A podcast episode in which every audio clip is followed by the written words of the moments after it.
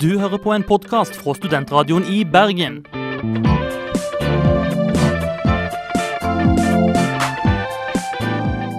Denne og mange andre flotte podkaster finner du på podkast.srib.no.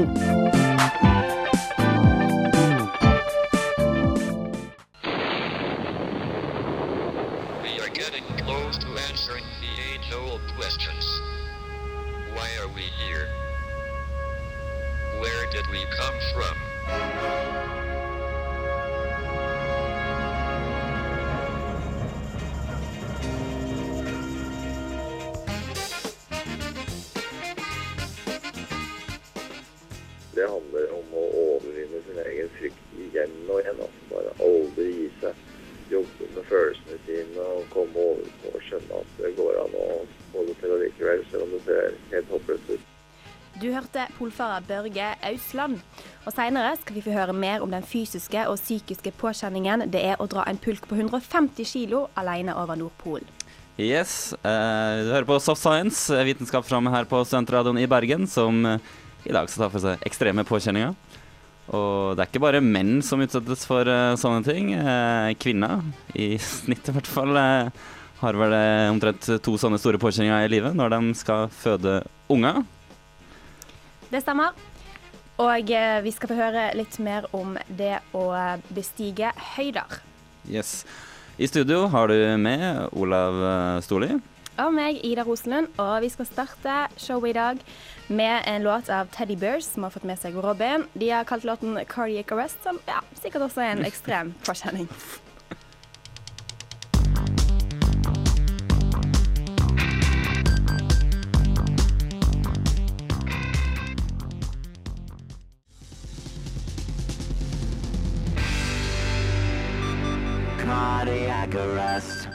Er studentradioen?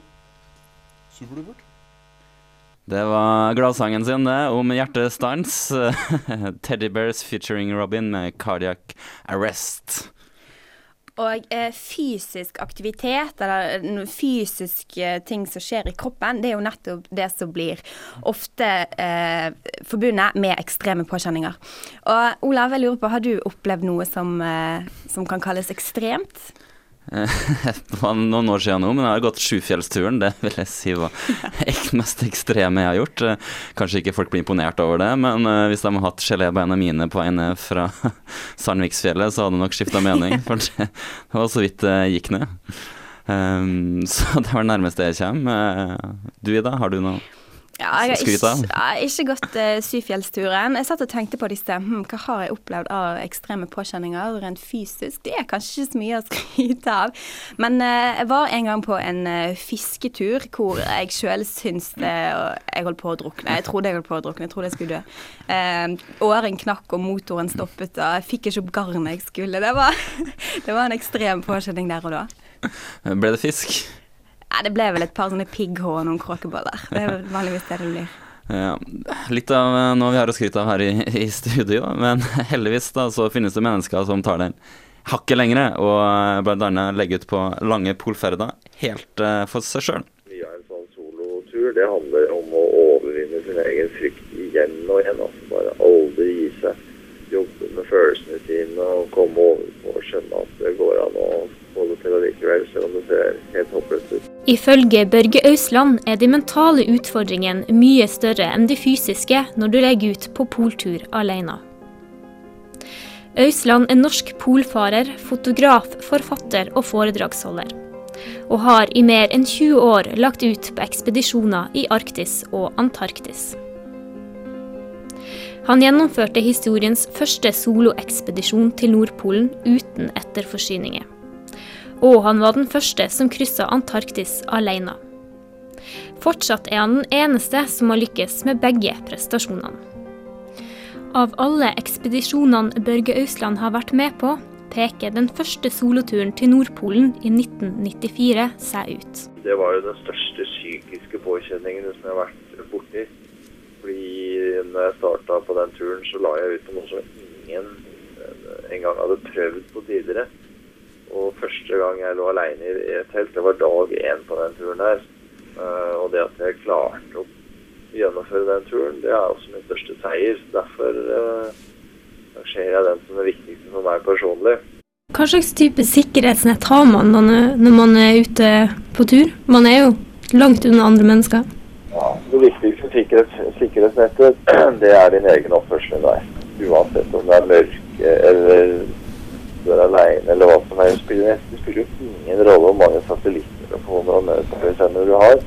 Hjelpen er to uker unna eller en uke unna, og du ligger der hardt skada. Eh, Da er du ferdig uansett. Og det viktigste er rett og slett hvordan man oppfører seg underveis, og hvordan man håndterer, man håndterer forskjellige situasjoner. Men det er ikke kun det psykiske som er ei utfordring. Når du skal være ute på tur i to-tre måneder og har en pulk på 130-150 kilo å dra på, er det viktig å være i god fysisk form.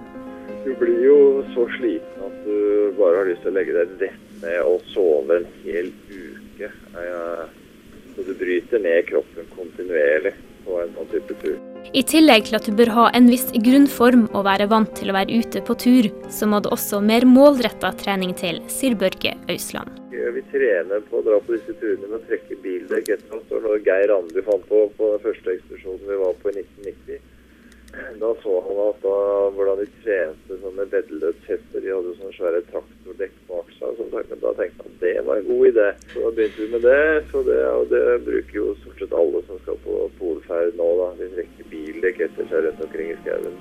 Med alle de psykiske og fysiske utfordringene som følger med en poltur, er det desto viktigere å være godt forberedt.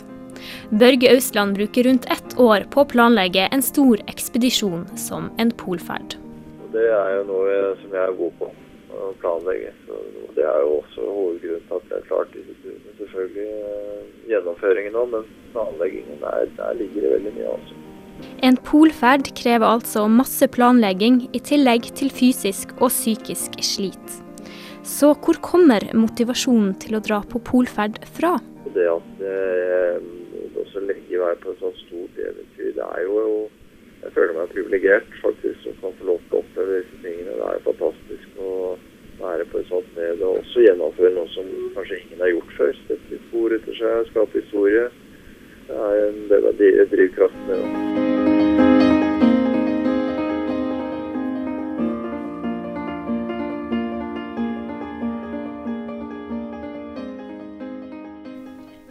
Der hørte vi Børge Ausland, som hadde snakka med reporteren vår eh, Bente Jassang. For oss som bare er i sånn passe god form mentalt og fysisk, så er det mulig å legge ut på en kortere poltur med guide. Og disse varer ja, rundt én til tre uker, og de kalles last degree. Eh, Og prisen på et sånt eventyr det ligger på 200 000 til 300 000 kroner. Tror ikke jeg skal investere tre års studielån for å ta meg råd til den turen. det, nei. Men uh, noe som kanskje kan kreves for en sånn tur, det er jo litt god høydetrening for å få opp kondisen. Det skal vi straks uh, høre med om. etter en låt fra spillelista her på Studentradioen i Bergen, nemlig Machine Birds med 'Traveling'.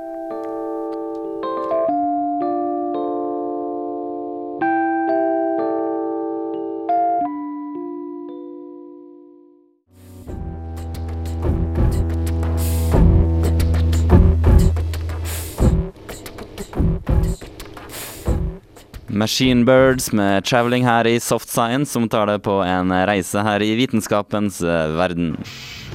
Kjemi. Biologi. Psykologi.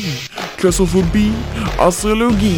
Astronomi, antropologi, arkeologi, anatomi, anemi, anarki, amnesti, akademi, sosiologi, astronomi, akademi, lekemi, nevrologi. Fagterminologi. Hva? Noe som ikke rimer? Soft science er svaret.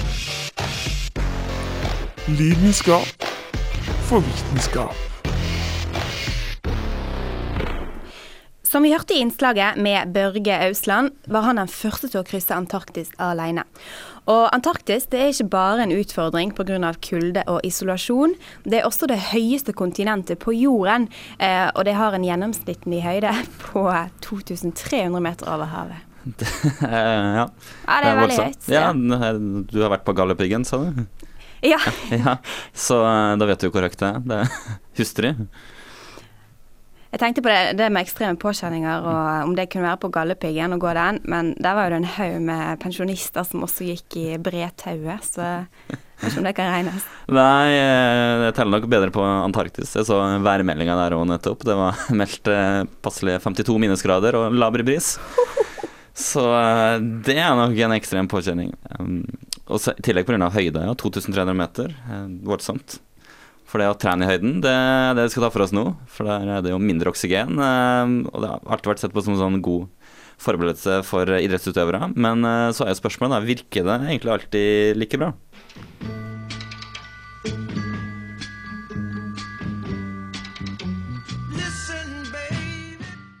Høydetrening. Høydetrening for langrennsløpere, høydetrening for skiskytere, høydetrening for løpere generelt. Men hva er egentlig høydetrening? Hvorfor fungerer det? Og ikke minst, hvorfor er dette en viktig treningsform før konkurranser? Høydetrening er trening i et miljø med lavere oksygentrykk i innåndingsluften enn under normale forhold, altså på havnivå. Med økende høyde i meter over havet reduseres lufttrykket og dermed oksygentrykket. Under slike forhold vil ikke kroppen få tilstrekkelig med oksygen. Dette kalles hypoksi. Det eneste som er sikkert dokumentert, er at en idrettsutøver har nytte av å være i høyden i en periode på minst 8-10 dager som forberedelse til konkurranser, som senere skjer i høyden. Dette gjelder alt fra 11 til 1200 meter over havet og oppover, ifølge idrettslege Tor Øystein Endsjø. Når vi kommer i høyden, er det flere ting som skjer med kroppen. Hormonelt skjer det endringer som gjør at vi tilpasser oss bedre. Væskevolumet i blodårene øker, og antall nye blodlegemer øker i antall.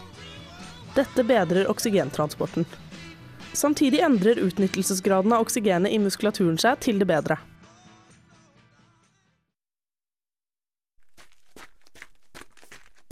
Men ny forskning har bevist at høydetrening ikke nødvendigvis er så effektivt som man tidligere hadde trodd.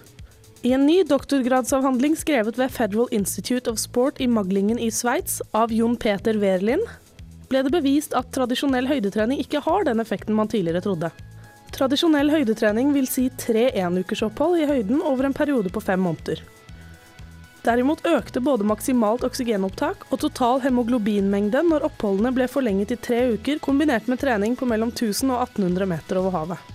Den første studien antydet at utøvere som blir utsatt for akutt høyde uten akklimatisering, fikk redusert både det maksimale oksygenopptaket og prestasjonen allerede ved 800 meter over havet.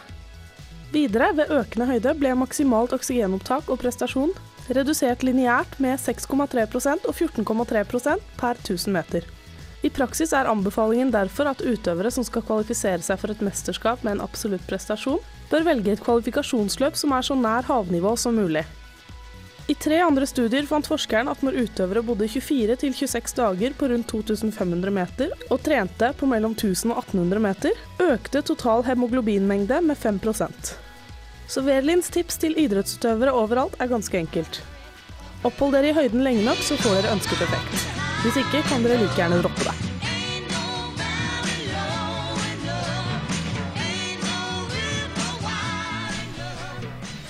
Karoline Elgesem tok for seg temaet om høydetrening, og oppfordringen var, som vi hørte, klar.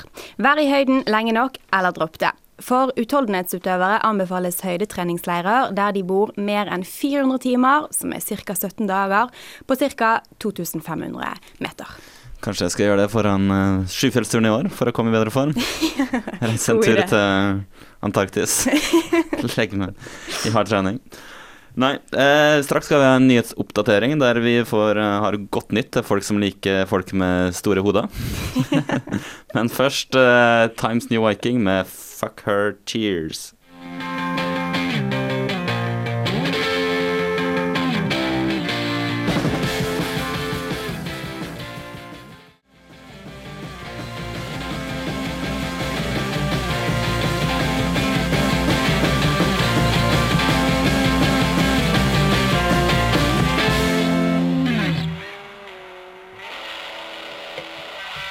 Are listening to Student Radio Bergen, you lucky, lucky little pups. Da skal vi ha en aldri så liten eh, nyhetsoppdatering her i Soft Science med det siste fra vitenskapens verden. Og vi starter i eh, dyreriket, gjør vi ikke det, Ida? Jo, det stemmer. Vi starter med et nytt funn om eh, kaniner. Det er nemlig sånn at forskere har nå funnet en gigantisk kanin eh, på Minorca. Mm. Levende? Nei, den død. død. Et fossil. Uh, og den er så stor at hvis du tenker en vanlig kanin En vanlig kanin er bare hodet til denne gigantiske kaninen. Og i og for seg så er det jo ikke så fantastisk at de har funnet en, en kjempekanin, for det, det er jo allerede Det kommer jo alltid nyheter om eh, whatever, eh, krokodiller og fugler og sånn, men en kanin, det er så søtt. Så jeg ser for meg en sånn Alice i Eventyrland med kaniner og sommerfugler. Men har du sett bilde av den? Er den like søt som en eh, vanlig kanin? Nei, jeg har bare sett en illustrasjon, men Ja. en kanin er da alltid søt. Eh, Og den, bare for å si det, så skal han ha veid ca. 12 kilo. 12 kilo kanin? Ja, nei, det virker ikke så stort. Altså når en toåring... kan ha det som eh, pa- eh, sånn kjæledyr. Ja, for når en toåring i Kina kan veie 60 kilo, da ok. Det var nettopp på nyhetene. Såpass. Vi skal holde oss i dyreriket, eh, fordi eh, honningbiene eh, de virker som de er litt smartere enn vi kanskje tror. Fordi det viser seg at eh, de, eh, de tar jo og eh, henter mye pollen og sånn for å eh, til bikubbene sine. Mm. Og det brukes jo veldig mye sprøytemidler, må vel sies.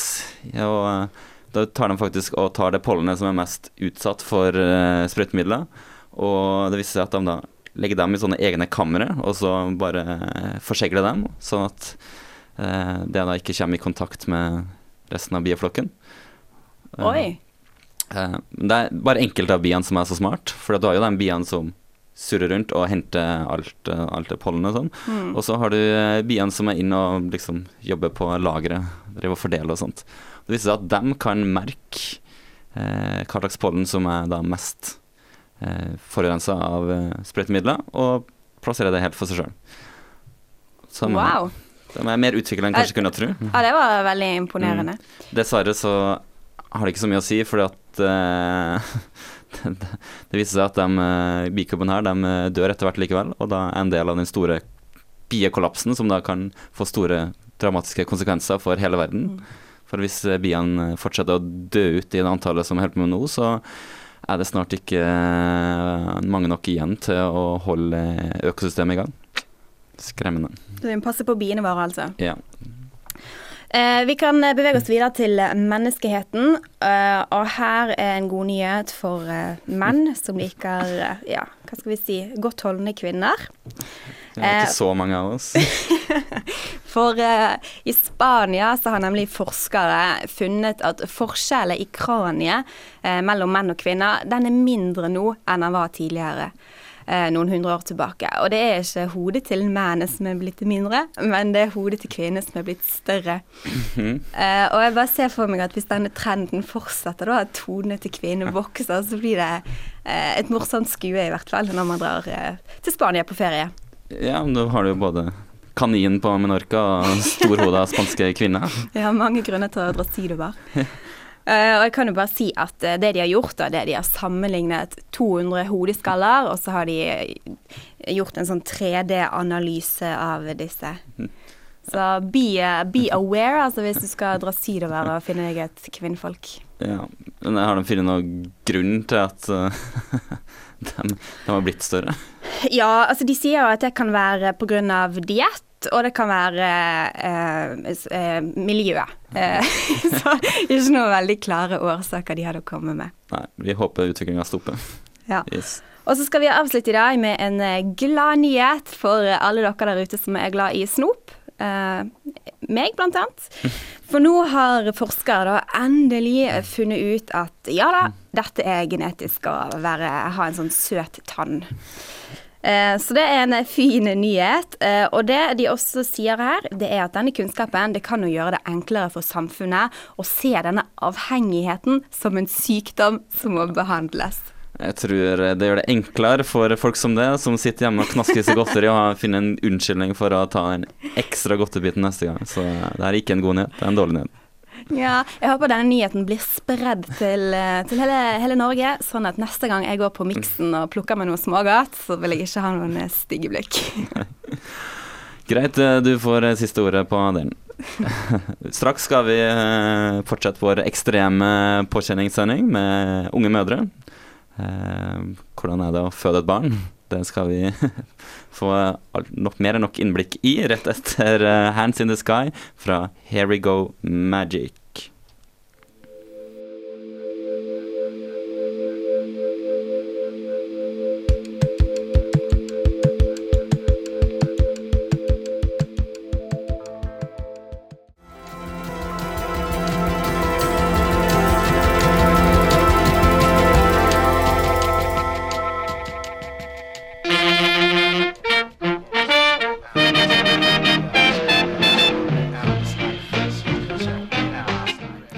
La-la-la-la-la. Unnskyld. Soft science om vitenskap og sånn. Og hvis vi ikke vet hva vi snakker om, så sier vi i hvert fall unnskyld.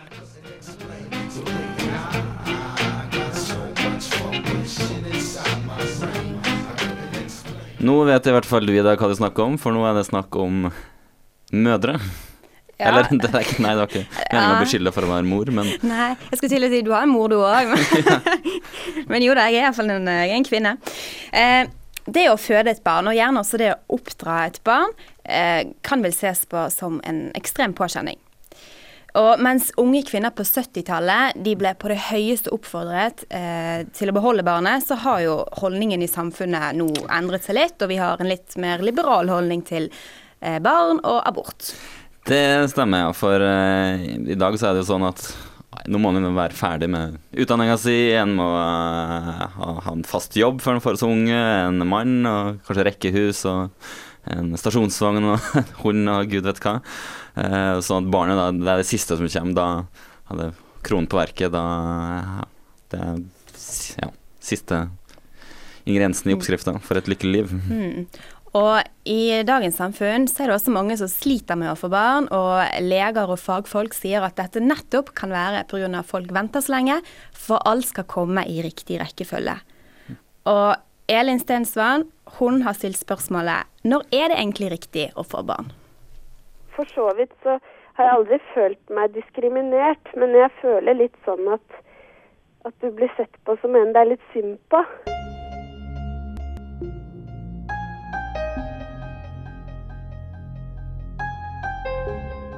På begynnelsen av 70-tallet var gjennomsnittlig alder for førstegangsfødende i Norge ca. 23 år. I dag er tallet nærmere 30, og en 20 år gammel mor vekker mer oppmerksomhet i sandkassa enn en mor på 40. Redaktør i Norges kvinne- og familieforbunds medlemsblad, Line Konstali, fikk selv barn som 23-åring. I 2009 ga hun ut boka 'Ikke bare mamma', der hun har intervjuet unge mødre som ønsker å vise at det å bli mor som ung og uetablert kan være en berikelse. Men hvordan ble hun selv mottatt som ung mor og student? Eh, at noen kan eh, lure på hvordan man kan klare det, og at eh, det må være veldig vanskelig, og at du på en måte blir en sånn stakkarslig person. Da. Mens andre igjen også blir litt sånn imponert og syns det er litt spennende og eksotisk da, at du faktisk har gjort det. Og syns det er litt morsomt med babyer og Så der også har det vært både òg, da. Men det er klart at i boken min så viser jeg jo en del studentjenter som eh, opplever veldig abortpress da, blant medstudiner eh, når de blir ufrivillig gravide. Eller uplanlagte gravide, da.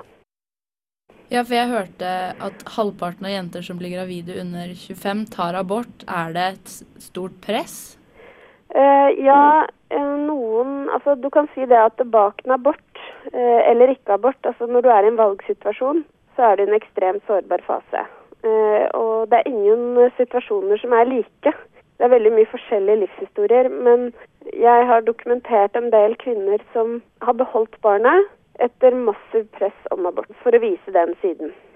Og det vil ikke si at alle abortene som tas eh, handler om press fra andre, men jeg vil bare på en måte vise også den siden av saken. Og at kanskje ikke helsevesenet og ja, de offentlige kontorene er helt klar over hvilke holdninger som eksisterer i dagens samfunn. Fordi eh, denne utviklingen har skjedd, skjedd på veldig kort tid, da.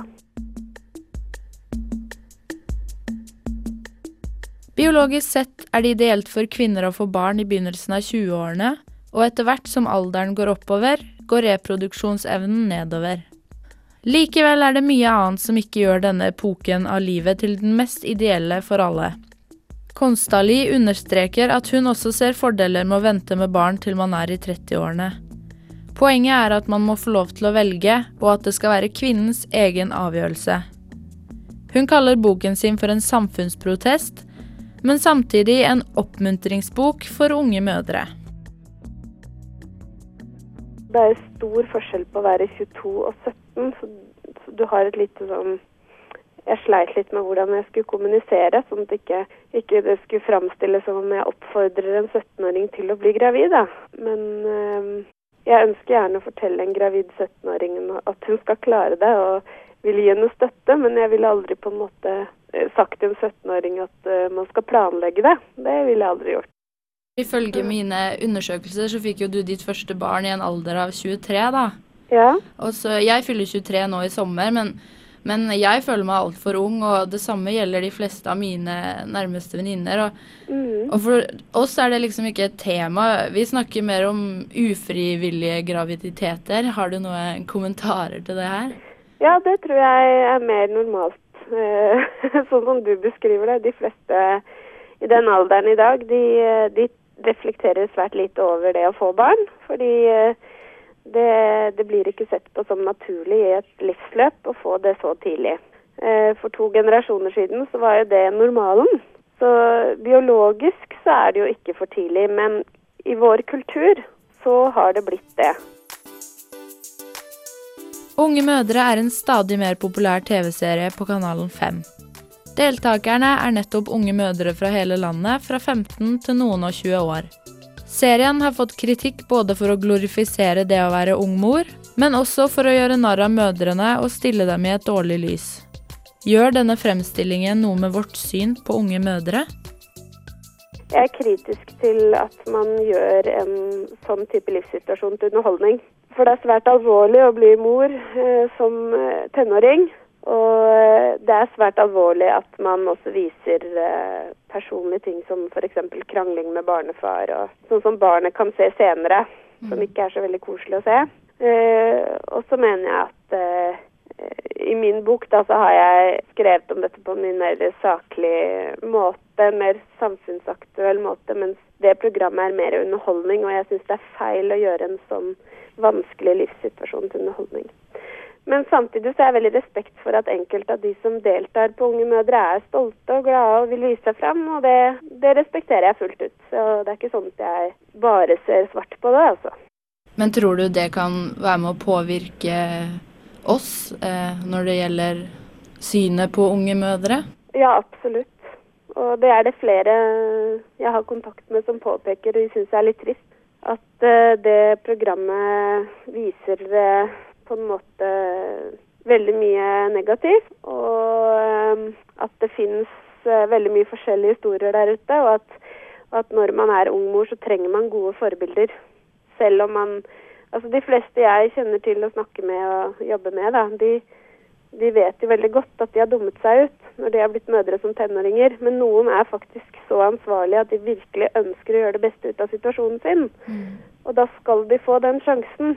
Eh, ikke bare for mammaens skyld, men for barnets skyld også. Fordi det barnet trenger, har krav på en god oppvekst. Det var Elin Stensvann som hadde snakket med journalist og forfatter av boken 'Ikke bare mamma', Line Konstali. Vi skal snart få litt mer uh, over på det mentale Og det kommer til påvirkning. Fortsatt litt der, uh, nemlig uh, ting vi opplever veldig ofte, særlig når vi mister noen nær oss. sorg. Før det skal vi imidlertid få Thurston Moore sin sang fra spillelista på Studentradioen i Bergen, nemlig 'Benediction'.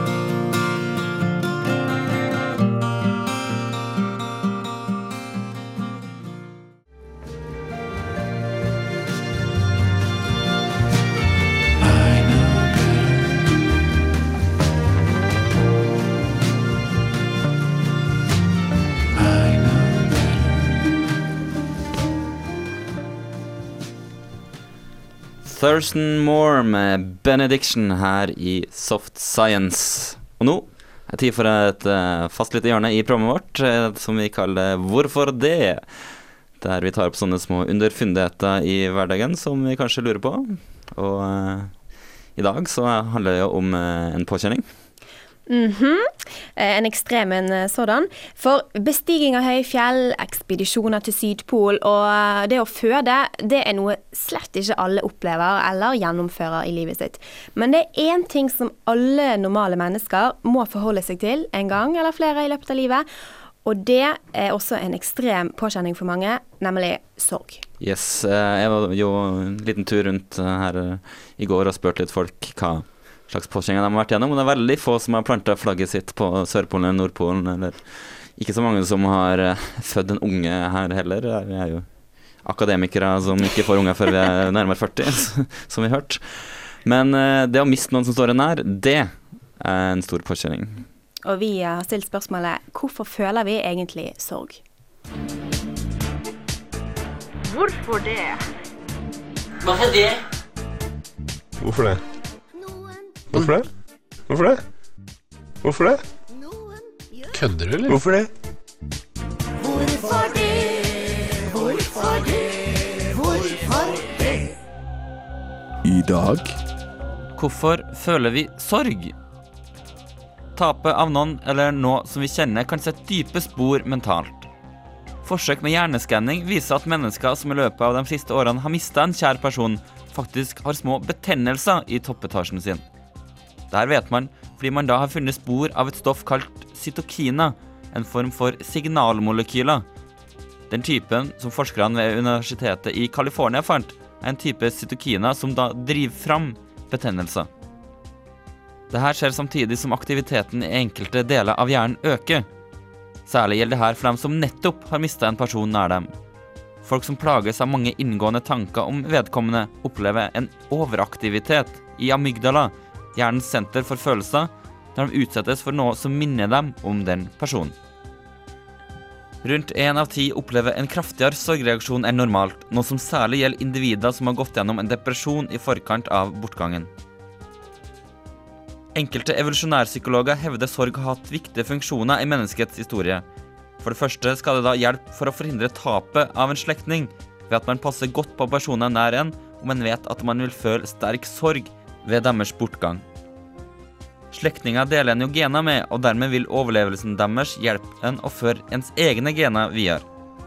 En annen funksjon kan være at hvis man viser sorg ved tapet av en nær alliert person, vil det signalisere overfor andre allierte at man ikke tar lett på tapet, og dermed kan det styrke båndene til de gjenværende.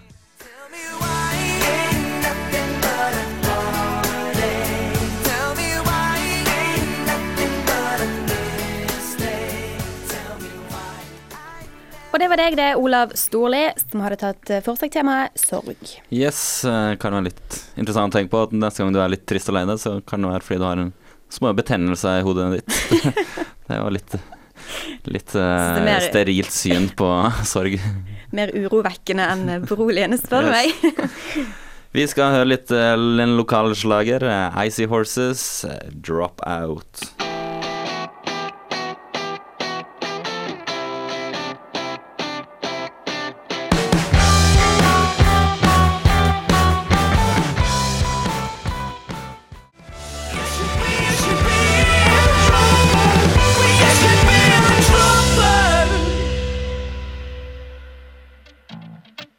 Dette er Knut Jørgen Rød Ødegård.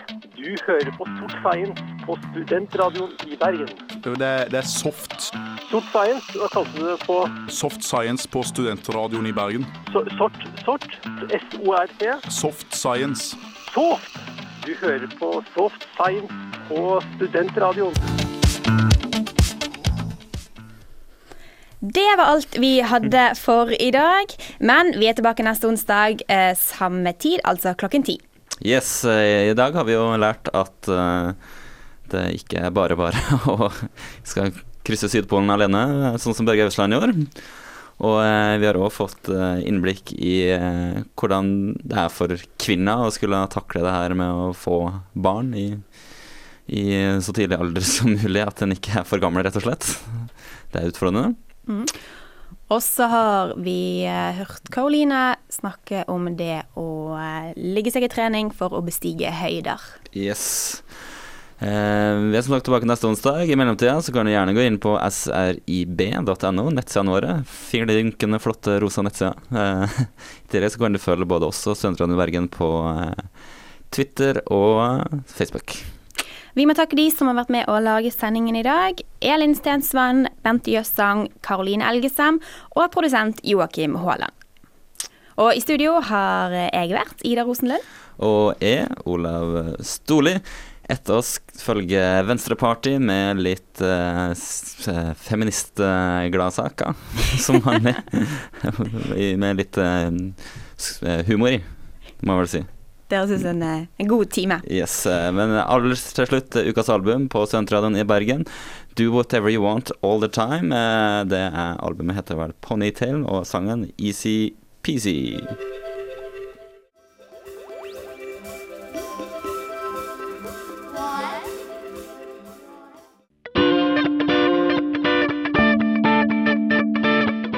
Du hører på en podkast fra Studentradioen i Bergen.